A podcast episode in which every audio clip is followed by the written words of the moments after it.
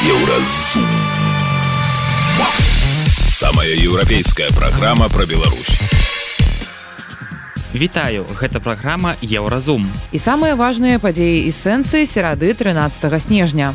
Як журналісты выкрываюць карупцыю і злачынствы рэжыму. Лукашенко выбудаваў сваю сістэму карупцыі на самым высокім узроўні, бо ён як бы лічыць Беларусь сваёй уласнасцю. Навошта Прокопьеву координационная рада? Я считаю, что наш корабль сбился с пути. Я считаю, что этот центр силы легче всего было бы строить сверху. Брудны вузел побач з зялёнымі кварталамі канфлікт вакол мінскай чыгуначнай станцыі это добрый вариант тому что такие прадпрыемствы не павінны існаваць у горадзе у гарадскіх рысах але не ў гэтым выпадку на жаль Пра гэта ды іншае больш падрабязна цягам бліжэйшай гадзіны. Еўразум. Беларусь у еўрапейскім фокусе. 11 снежня група беларускіх журналістаў-расследавальнікаў апублікавала матэрыял, у якім выкрываюцца схемы паставак праз Беларусь у Расію люксавых аўто з Еўропы у абыход санкцый. Там жа расказваецца, хто на гэтым зарабляе выданне вылучыла 5 найбуйнейшых экспарцёраў якія маюць сувязь з беларускімі ўладамі і іх набліжанымі выкрыў злачынныя схемы новы журналісцкі праект бюро медыа які заснавалі былыя супрацоўнікі беларускага расследавальніцкага цэнтра У 90 Лукашенко прыйшоў да ўлады дзякуючы менавіта абяцаннем змагацца з карупцыяй. Але мінула ўжо 30 гадоў і гэтае змаганне ніяк не заканчваецца. Гэта адзінкавыя выпадкі ў сістэме ці ўсё ж такі правіла. Пра гэта ды іншае наш калега Зміцер Лукашук распытаў журналістаў расследавальнікаў праекта бюро медыа Александра Ярашевича і Алексея Карпеку. Нет, это не единичные случаи коррупции. А коррупция в системе Лукашенко, ну, во-первых, ее существует там несколько уровней, да, есть как бы коррупция на местах, она вот скорее единичная, она не систематизирована никак, просто там местные чиновники, ну, такое есть, ну, во всех странах мира, мне кажется. Есть другой, намного более серьезный уровень, это, так сказать, систематизированная частно-государственная коррупция, в которой участвуют как государственные компании, так и условно-частные бизнесмены, которые используют самые разные серые схемы для обогащения себя и ближайшего окружения Лукашенко. Поэтому что скажет на это Олесь? Ну, мне здаецца, что ввогуле як бы э, лукашенко выбудаваў сваю такую як бы да сістэму коррупцыі на самым высокім узроўні бо ён як бы лічыць Беларусь сваёй уласнасцю да. То бок вот ёсць Беларусь і все что там унутры гэтай краіны яно належыць мне. І я ім распаражаюся як хочу да і потым ён просто раздае розныя ільготы прэферэнцыі розным бізнесоўцам напрыклад адзін з таких яркіх прыкладаў гэта вот э, брэмена орша такая асобая эканамічная зона як бы я уяўляю сабе як это могло адбыцца значится там есть кампанія якое якая кіруе гэтай асобай эканамічнай зоны яна называется брэмена групп гэтая кампанія там на парытэтнай аснове належыць этой агульнавядомай троіцы Алексей алексин Александр зайцаў Миколай воробей. Прыходзіць яны такія там на наверх да лукашэнкі а зайцаў дарэчы працаваў з Віктором лукашенко і кажуць ёсць тэмка давайте створым офшор на мяжы з Расіем і будем ганяць товары что для гэтага трэба? Давайте под нас стварыце указ вызвалім усе кампаніі якія будуць уваходзіць у гэту асобую эканамічную зону от падаткаў гэтак далей і будем зарабляць грош. Як бы ну і вот так вот все робіцца альбо напрыклад ты ж бізнесмены карачы да якія абяцаюць у Беларусі там э, Дубай нам новы пабудаваць там фінансавы цэнтры гэтак далей там марачосы гандолы будуць плаваць і гэтак далей яны прыходзяць это все показваюць як бы там э, у адміністрацыі прэзідэнта ці я не ведаю ідзе кажуць мы вам тут вот новое жыццё абяцаем что трэба вы нам землю бесплатно дайте вызваліце нас от падаткаў мы вам все побудуем. Пачынаюць яны карацей этим займацца атрымліваецца чамусьці не дубая некая зноў каменная горка. А все як бы уся маржа як бы да все прыбыткі яны складваюць на свой рахунак а потым выводзяць гэта на кіпра альбо зараз увогуле выводзяць гэта ў Дубай да? У офшоры каб гэтыя грошы немагчыма было отобраць як бы. Ну і так яно працуе і размова ідзе там про десяткі мільёнаў про сотні мільёнаў да там про мільярды я нават думаю грошай якія яны зарабляюць реально э, на таких вот этих розных прэферэнцыях і льготах.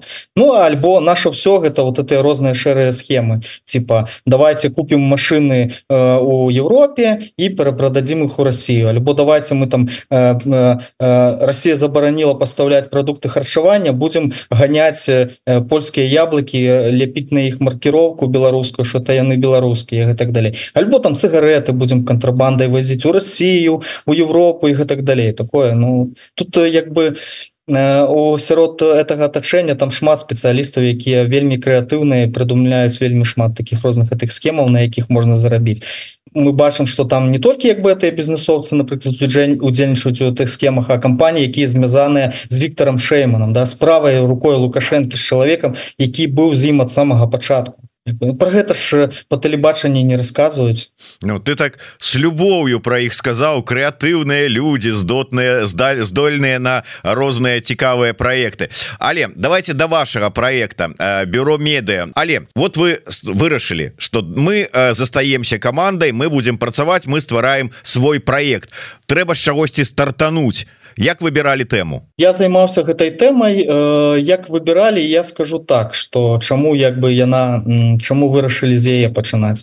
Мы увогуле раней рабілі шмат расследаванняў яшчэ ў БРЦ про тое як напрыклад нейкую беларускую прадукцыю якая знаходзіцца под санкцыямі под видам там казахскай альбо кыргызскай вывозяць у ЕС то бок з Беларусі у еўрапейскі звяз. Ну там робяць документы ліпавыя что это типа Казахстан Кыргызстан і так я натрапляю еўразвяз але жа ёсць жа іншы кірунак да? Ёсць кірунак як бы вывозіць еўрапейскія тавары у Россию да якая абкладзеная санкцыямі Ну і мы тут скантактаваліся мы я бачыў что наши коллеги з расійскага выдання вёрстка зрабілі як бы вот матэрыял на тэму вот этой санкцыйнай дзірки якая існуе ў заканадаўстве что у Россию завод не гледзячы на санкцыі завозіцца шмат як бы там электронікі чыпаў і гэтак далей. Я тады звярнуўся до коллег сказаў А давайте глянем что возяць праз Беларусь якія товары возяць праз Беларусь і апынулася что асноўны товар які возят узяць у абыход санкцый праз Беларусь гэта люксавыя машины Таму мы вырашылі стартаваць менавіта з люксавых авто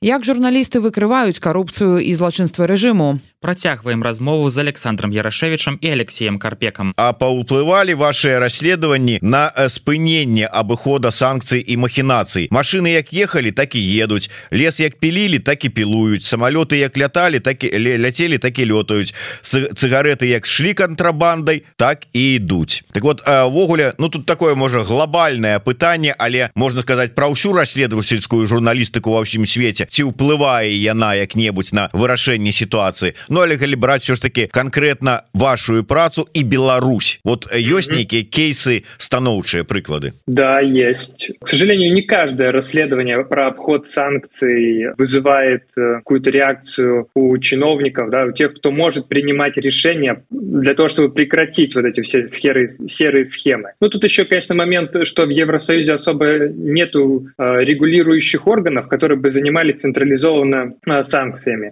но это я думаю вообще отдельно отдельная тема, как-нибудь в другой раз про нее поговорим. Про положительные примеры. Например, э, расследование, которое делал Олесь э, вместе с эстонскими, если я не ошибаюсь, коллегами про поставки нефти из Беларуси через Эстонию, где нефть, получается, меняли товарные коды. Э, мазут вместо, ну, мазут был под санкциями, а другие похожие нефтепродукты, которые определить, что это не мазут, можно только в лаборатории, были не под санкциями. И тут резко по торговой статистике поставки этих вот нефтепродуктов, не мазута, увеличиваются там в десятки, если не в сотни раз. Смотрим, кто поставляет, кто вообще этим всем занимается, и там компании, связанные с бизнес-партнером Воробья, про лукашенковского бизнесмена. После публикации расследования в Беларуси и Эстонии эстонские власти отреагировали чуть ли не на следующий день. Премьер-министрка Эстонии заявила, что они примут все необходимые меры, ввели под национальные санкции вот эти товарные коды, которые не были под санкциями, призвали Латвию и Литву сделать то же самое и вывели этот вопрос на общий евросоюзовский уровень, чтобы внести эти нефтепродукты также в санкционный список. Но там еще началась война вскоре после этого, там через месяц, по-моему. Так что это решение было принято очень быстро. Практически все если не все нефтепродукты из Беларуси сейчас под запретом Евросоюз. Как э, закупка, так и перевозка, то есть транзитом. Але вот э, бач, мы тут говорим, в принципе, как бы про европейский бок, як ён можа реагаваць и реагуе. И в принципе, там-то законы есть, и они працуюць. А у Украине, где иногда не до законов с одного боку, а с другого боку, як ты сам сказал, что в принципе крышуе гэтую усю коррупцию, усю эту схему администрация лукашенковская. Так ці можно разлічивать что там будуць прымацца нейкія сапраўды меры для того каб гэта было знішчана на корню такія злачынствы. Ну выкрылі такие вось нехорошие рэдзіскі як Олесей Алексей некую схемку но яны прыкрылі тут а раз і перанакіравалі у іншы бок Да і все ці, ці, ці не так яно працуе Да, примерно так оно и работает. Внутри Беларуси что-то поменять сейчас э, с помощью расследований. Ну, наверное, про, если мы говорим про такие серьезные коррупционные истории, да, как схемы там по поставкам Евросоюза или из Евросоюза в Россию, обход санкций, вот это все. Поменять сейчас что-то с помощью расследования практически невозможно. Серые схемы создаются очень быстро. Фирмы прокладки, страны прокладки, да, все это практически неконтролируемо на самом деле, к сожалению. Возможно, есть возможность с помощью расследований что-то менять на менее глобальном уровне, как было там до 2020 года, да, как вот наша коллега Ольга Ратмирова делала расследование про компанию Нативита, витебского бизнесмена, который там производит лекарства, и где вскрылось, что огромные, просто огромные махинации с ценами на лекарства, которые поставлялись Минздраву, в том числе во время там, эпидемии ковида, э, все это привело к тому, что сейчас Нативит обложена исками, сам владелец Нативиты спешно бежал из Беларуси, множество судов идет, сама компания на грани банкротства. Ну, вот это... И, что, насколько я знаю, даже на совещаниях чиновников это расследование напрямую упоминалось, что типа, а, на ТВ-то? Ну, давайте вначале пусть они ответят за то, что вот было сказано в расследовании, да, там, типа, вот с этими махинациями. Потом, возможно, мы их когда-нибудь еще рассмотрим, там, как поставщиков для нас. Но сейчас, типа, нет. Вот. И, насколько я знаю, там, после этого комитет госконтроля, по-моему, к ним приходил с проверками. Ну, в общем, общем, компания серьезно влетела за свои махинации, и никакие связи там с Жарко и там, другими высокопоставленными чиновниками им не помогли. Вот. Это положительный пример, как в Беларуси. Но это было до 2020 года, что важно. Сейчас, честно, я слабо представляю себе, чтобы после какого-то расследования белорусские власти такие, ага, сейчас мы этих вот гадов накажем. Точнее, сейчас я могу себе представить такую ситуацию, только гадами будем мы. И они нас там попытаются пытаются наказать как-то, да, признать экстремистами там или еще что-нибудь они придумают. Олесь, вот, дарэчы, на ўздагон твоим словом пытанне А колькі часу вы будете пушить еврочыноўнікаў пакуль не откажуць ці пакуль дыры санкцыйныя не позатыкаюць Ну наша мэта то звярнуць іх увагу что існуе гэтая санкцыйная дзірка да? І наколькі мы ведаем что ну не толькі мы там звярнуліся за каментаром каб яны там далі сваю ацэнку і сказали наколькі это нормально нормально і что можна зрабіць каб гэтую дзірку зачыніць як бы да. Мы ведаем что інфармацыю про наше расследаванне таксама перадалі вот Давіду салівну это якраз таки той вот спецдакладчык э, при еўракамісіі по санкцыях э, спадзяюся что ён там почытае да наш тэкст э, і можа быть неяк выкажацца можа быть яны нават нейкія меры прымуць і гэтак далей У эфіры еўрарадыо былі журналісты расследавальнікі новага праекта бюро медыа Александр Ярашевич і Алексей Карпека. Яны распавялі, як шукаюць маёмасць гаманцоў лукашэнкі і як расследаванні ўплываюць на ўзмацненне санкцый супраць беларускага рэжыму. Далее в программе Евразум. Навошта Прокопьеву координационная рада? Я считаю, что наш корабль сбился с пути. Я считаю, что этот центр силы легче всего было бы строить сверху брудны вузел побач з зялёнымі кварталамі. Канфлікт вакол мінскай чыгуначнай станцыі. Это добрый вариант тому что такія прадпрыемствы не павінны існаваць у горадзе у гарадскіх рысах але не ў гэтым выпадку на жаль. Сустрэнемся пасля музычнай паўзы і навінаў спорту.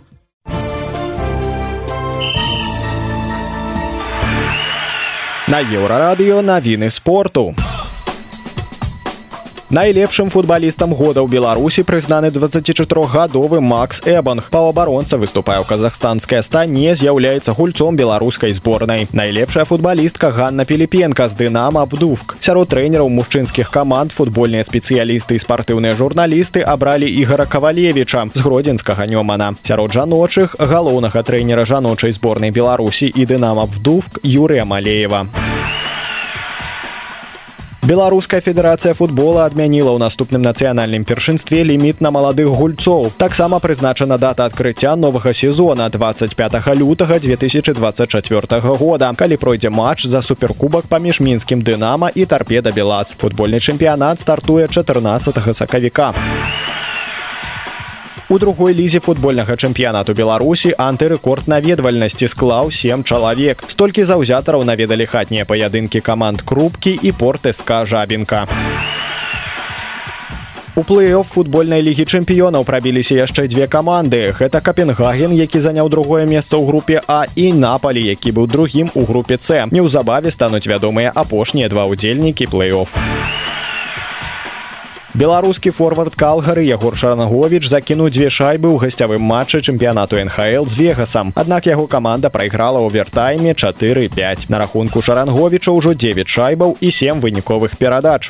Гэта былі навіны спорту, заставайцеся на еўрарадыё.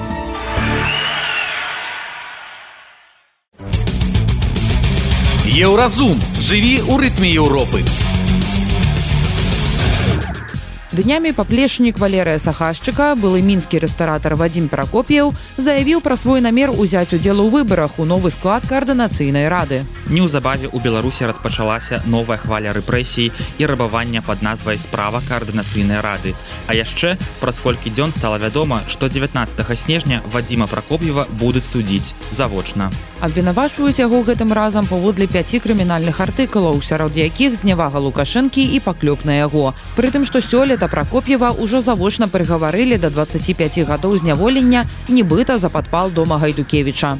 Навошта Пракоп'яў вырашыў ісці ў каардынацыйную раду і які ўвогуле сэнс у існаванні гэтай структуры. Гэтае ды іншае пытанне наш калега з міцер Лукашук задаў грамадскаму дзеячу Вадзіму Пракоп'еву. Я собираюсь после того, как меня выберут, если меня выберут, в уважительной, открытой дискуссии, используя свой опыт, знания, логику и риторику, переубедить большое количество единомышленников, вернее, превратить Координационный совет в своих единомышленников и убедить их в том, что наши дела значительно хуже, чем они, возможно, себе представляют, и тут же предложить выход, что же с этим надо делать. Я считаю, что наш корабль сбился с пути. Я считаю, что вот этот вот пресловутый центр силы, без которого не будет ничего, ни военного крыла, ни каких-то интересных ходов, ни симметричной, ни асимметричной игры без этого не будет. Просто уровня игры не будет. Так вот, этот центр силы легче всего было бы строить сверху. И, честно говоря, можно было тогда обойтись без Координационного совета или, э, ну, как-то э, выстроить вот эту вот башню, пирамиду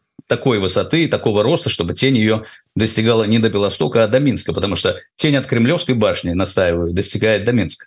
Они нас переигрывают. Так вот, легче всего было бы это строить сверху. Но я на практике убедился, что сверху что-то мешает. То ли усталость, то ли отсутствие идей, то ли отсутствие воли, то ли еще какие-то факторы. Поэтому, не разрушая ничего, то, что построено, без всяких волчьих понтов, без поножовщины, исключительно искусством уважительного диалога и риторики, нужно выстроить два недостающих этажа. Мне кажется, первым таким этажом мог бы быть Координационный совет, а вторым этажом вот это знаменитое в политологии часто упоминающееся, отсутствующее у нас движение белорусов. Такой, знаете, аналог польской солидарности или литовского движения. Единственный строительный материал для такого массового движения – это белорусская диаспора. В белорусской диаспоре огромное количество людей, они разные, политизированные, неполитизированные, выживающие и уже э, достигшие успеха в Европе и в свободном мире. Но количество их велико. Даже если верить самым заниженным цифрам, которые озвучивал Карпенков, это целая Исландия за границей. Поэтому в политической архитектуре вот в чем, собственно, моя простая теория. Отсутствуют два элемента. Движение, массовое движение белорусов, где они способны, знают, что делать, присутствуют, и их можно пересчитать. И, конечно,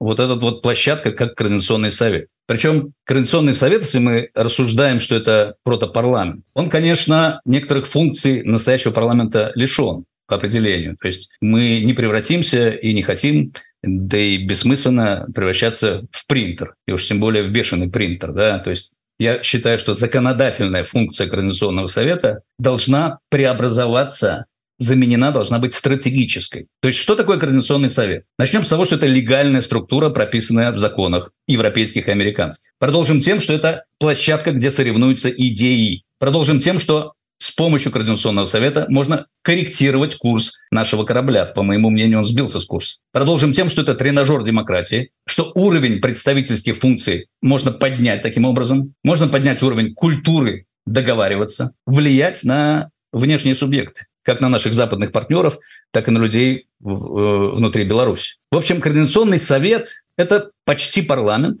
без законодательных функций. Я уже не говорю, что у него, и, кстати, это уже проявилось прошлым августом, у него еще и функция контроля. У него еще и функция, если хотите, сдержек и противовесов. Мы же помним прекрасно, как на слушание Координационный совет вызывали министров кабинета. В общем, я считаю, что с этими двумя этажами, даже при отсутствии воли у верхнего этажа, мы поправляем наши дела, поправляем их элегантно, не разрушая. И я считаю, что больше ничем в следующие два года не надо заниматься. Потому что все ходы оппонента, пока у нас нет достаточно сил, пока мы не накопили достаточно политических мускул, все ходы оппонента нашего нужно оставить обсуждать журналистам и экспертам. А нужно заняться вот этим пресловутым строительством. Я допускаю, что таким образом можно поправить дела, и мы через два года выглядеть будем значительно лучше.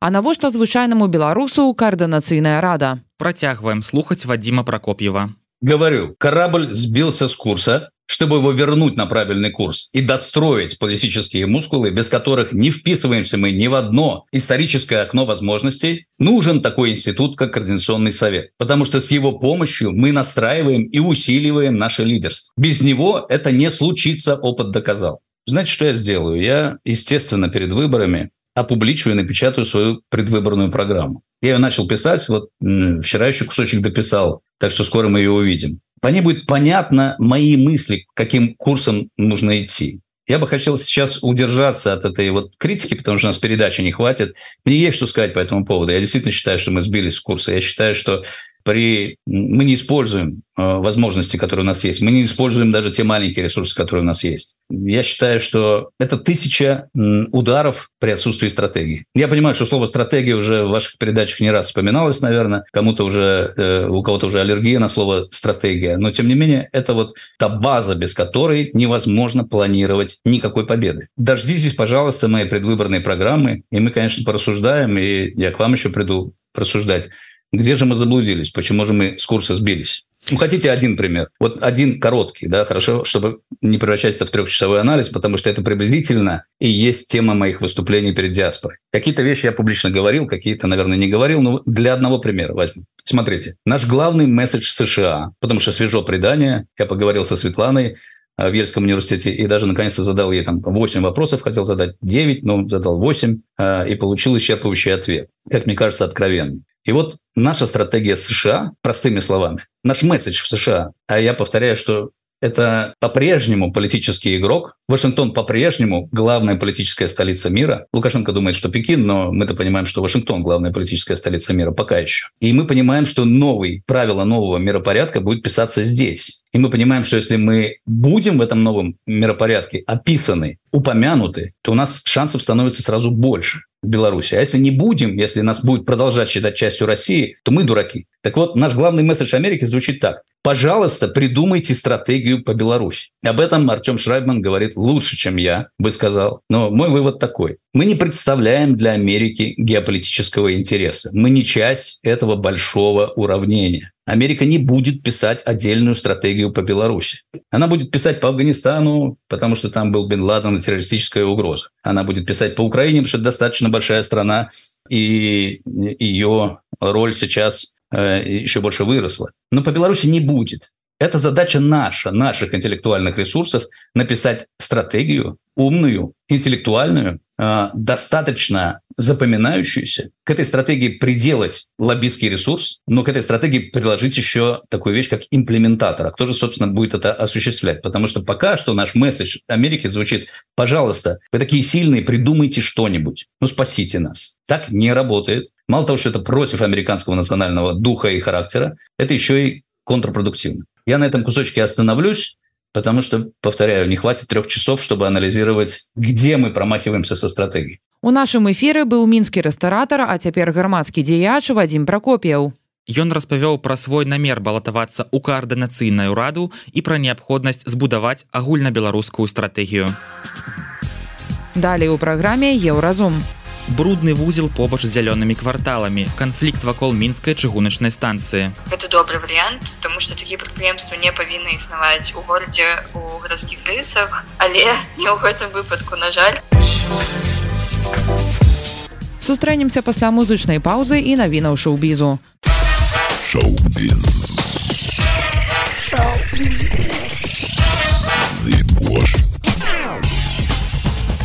Навіны шоу-бізу на еўрарадыё. У новым трэйлеры фантастычнай стужкі дзюна частка другая прадстаўленыя маштабныя ваенныя сцэны на планеце аракіс ды напружаная гісторыя кахання паміж полам атрэйдасам у выкананні акцёра тимати шаламе і гераіня актрысы зендаі чані. У трэйлеры можна заўважыць новых ключавых персонажаў такія як шадам чацвёрты крыстафера оукіна і фейтраут харконін осціна батлера. Рэжысёр дэні вільнёў абяцае кінематаграфічнае відовішча з эпічнымі бітвамі падчас галактычнай вайны. З'яўлення новых персонажаў дададуць свежа свежасці гэтай доўгачаканай кінематаграфічнай падзеі. Афіцыйная прэм'ера кінастужкі адбудзецца першага сакавіка наступнага года. 20 снежня ў музеі вольнай беларусі адбудзецца спектакль імправізацыя гараль акцёры тутэйшага тэатру будуць ствараць яго на вачах у гледача. Ад выбару тэмы праз жэсты з якіх выплываюць сцэны маналогі да спробы скласці завершаную кампазіцыю. Упершыню такія спосабы выпрабавалі ў сан-францыска ў 1967 годзе. Мэта якую удзельнікі ставяць перад сабой абуджаць гучанне тэмы і адшукваць творчы спосаб яе выражэння. Тутэйшы тэатр гэта студыйны праект Андрэя саўчанкі які быў створаны ў 17 годзе ў мінску. Пасля эміграцыі рэжысёр узнавіў яго дзейнасць у польшчы У меган маркал і прынца гары быў напружаны год пасля разбору ў каралеўскай сям'і. Пара наведвала мноства падзей сярод якіх гульні непакораных і сусветны дзень псіхічнага здароўя. Іх фонд арчвелл прадставіў гадавую справаздачу аб сваёй дзейнасці і падтрымцы глобальных праектаў. Адзін з іх welcome project які дапамог больш за дзвюм сотням жанчын у 11 гарадах ЗША спрыяючы аднаўленню фізічнага і псіхалагічнага здароўя. У справаздачы падрабязна апісваюцца валанцёрская праца меган у harvest home і арганізацыя сумесна сумеснага пакавання падарункаў для дзяўчынак з нігерыі фонд згадаў справаздачы таксама пастаяннай дапамозе дашкольным установам у афрыцы падкрэсліваючы імкненне сумесна тварыць добро а Эн Хэтвей распавяла пра адкладванне свайго фільма пра барбі назваўшы версію грэты гервіх і марго робі лепшай з магчымых. Першапачатковы праект з удзелам актрысы сутыкнуўся з праблемамі пры распрацоўцы. Соні страціла правы ў 2018 годзе. Цяпер Хэтвей лічыць што сёлетні фільм барбі падышоў ідэальна. Яна выказала задавальненне поспехамі робі прызнаючы камерцыйны трыумф кінастужкі 2023 года які зарабіў больш за мільярд даляраў. Гэта былі навіны шоу-бізу. Заставайцеся на еўрарадыё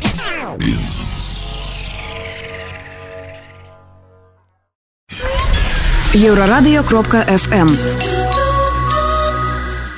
станцыю мінск сартавальны хочуць перанесці пад бок жыхарам элітных жыллёвых комплексаў размешчаных недалёка ад сталіцы. Супольнасць чыгуначнікаў беларусі падзялілася з еўрарадыё дакументамі у якім распісаныя планы і апетыты расійскай чыгункі якая хоча паўдзельнічаць у гэтым праекце. Там вядзецца пра выгады ад удзелу рассіі ў пераносе станцыі мінск сартавальны за межы горада На месцы, што вызваліцца ад станцыі, плануецца пабудаваць раён аналагічны Масква-сіці. А куды падзець само сартаванне? У супольнасці жыгуначнікаў вывучылі план і кажуць, што станцыю плануюць вывесці за межы горада ў раён калодзішчаў. Вось толькі зусім побач там пабудаваны элітны жылы квартал зялёная гавань. І ягоныя жыхары пакуль нават не ведаюць пра тое, што ім могуць арганізаваць кругласутачны перастук колаў пад вокнамі. Падрабязнасці канфлікту у нашым рэпартажы. Мінск сартавальны сапраўды даўно планавалі вынесці за межы горада. Гэта прапісвалася яшчэ ў генплане мінска ў 2016 годзе. Праз тое што станцыя знаходзілася ў межах мінска жыхары суседніх дамоў пастаянна скардзіліся на шум і не маглі нармальна спаць просто заваливают э, сообщениями э, ну, жалобами в белорусскую железную дорогу, в эту самую станцию, э, в министерство. Ну, короче, во все структуры заваливают письмами, типа шумно, спать невозможно, да и т.п. А там, то есть, ведется пропуск поездов, техническое обслуживание, формирование поездов. Формирование поездов – это самая громкая операция, потому что вагоны Э, распускаются с горки. Я вот жил на Брилевичах, это Малиновка, и ночью, когда тишина, и ну, слышно даже там, как вагоны с горки распускают удары вагонов. Так расказвае еўрарадыё стваральнік супольнасці чыгуначнікаў Беларусі Сергей Вайцухович. Але гэтым летам спаць перасталі не толькі жыхары цэнтру, але і жыхары калодзішчаў. У ліпені завяршылася грамадскае абмеркаванне горадабудаўнічага праекта зялёны бор і мясцовыя даведаліся, што калі сартавальны нарэшце і прыбяруць з цэнтра мінска, дык перанясуць бліжэй да іх дамоў. Пра гэта пісалі мінск навіны. Зялёны бор гэта велізарны жылы комплекс, які будуюць замкадам. Ён разлічаны на 105 тысяч жыхароў, а гэта насельніцтва буйнога беларускага райцэнтра. Побач знаходзіцца яшчэ адзін жылы комплекс зялёная гавань. Гэта элітная забудова з гольф-палямі і галоўнае чысцінёй і цішынёй. І тут мінск сартавальны. Аргументы тых, хто летам выступіў супраць праекту зялёнага бору, які ўключае і будаўніцтва новага сартавальнага чыноўнікі палічылі марнымі. Жыхарам калодзішчаў заставалася суцяшаць сябе толькі тым, што станцыю пабудуюць не ў бліжэйшыя гады. Паводле грубай ацэнкі на вынас мінск сартавальнага трэба 220 мільёнаў долараў. Ні ў горада, ні ў беларускай чыгункі на гэта няма грошай і раптам яны знайшліся ва ўсходняга суседа. З дакументаў, якія еўрарадыё перадала супольнасць чыгуначнікаў беларусі вынікае што расіяне правялі перамовы з буйным расійскім банкам і тое зацікавіўся праектам. Таксама прадстаўніцтва расійскай чыгункі ў беларусі і дэпартамент замежных праектаў і міжнароднага супрацоўніцтва расійскай чыгункі уже нават абмеркавалі з буйным беларускім дэвелаперам нерухомасці што можна пабудаваць на вызваленых ад станцыі землях. І той таксама выказаў зацікаўленасць. У чаце калодзішчаў перапалох чуткі, што побач могуць пабудаваць сартавальную станцыю нікому не падабаюцца. У зялёнай гавані увогуле пакуль не ў курсе планаў расіян у пераносе да іх пад бок самага шумнага аб'екта мінска. Ідэя квартала ў горад на прыродзе вакол лес і гольф палі чэмпіёнскага класу і так ніякага шуму. Мы згодныя з тым, што такія аб'екты, як мінск сартавальны сапраўды лепш выносіць за межы горада.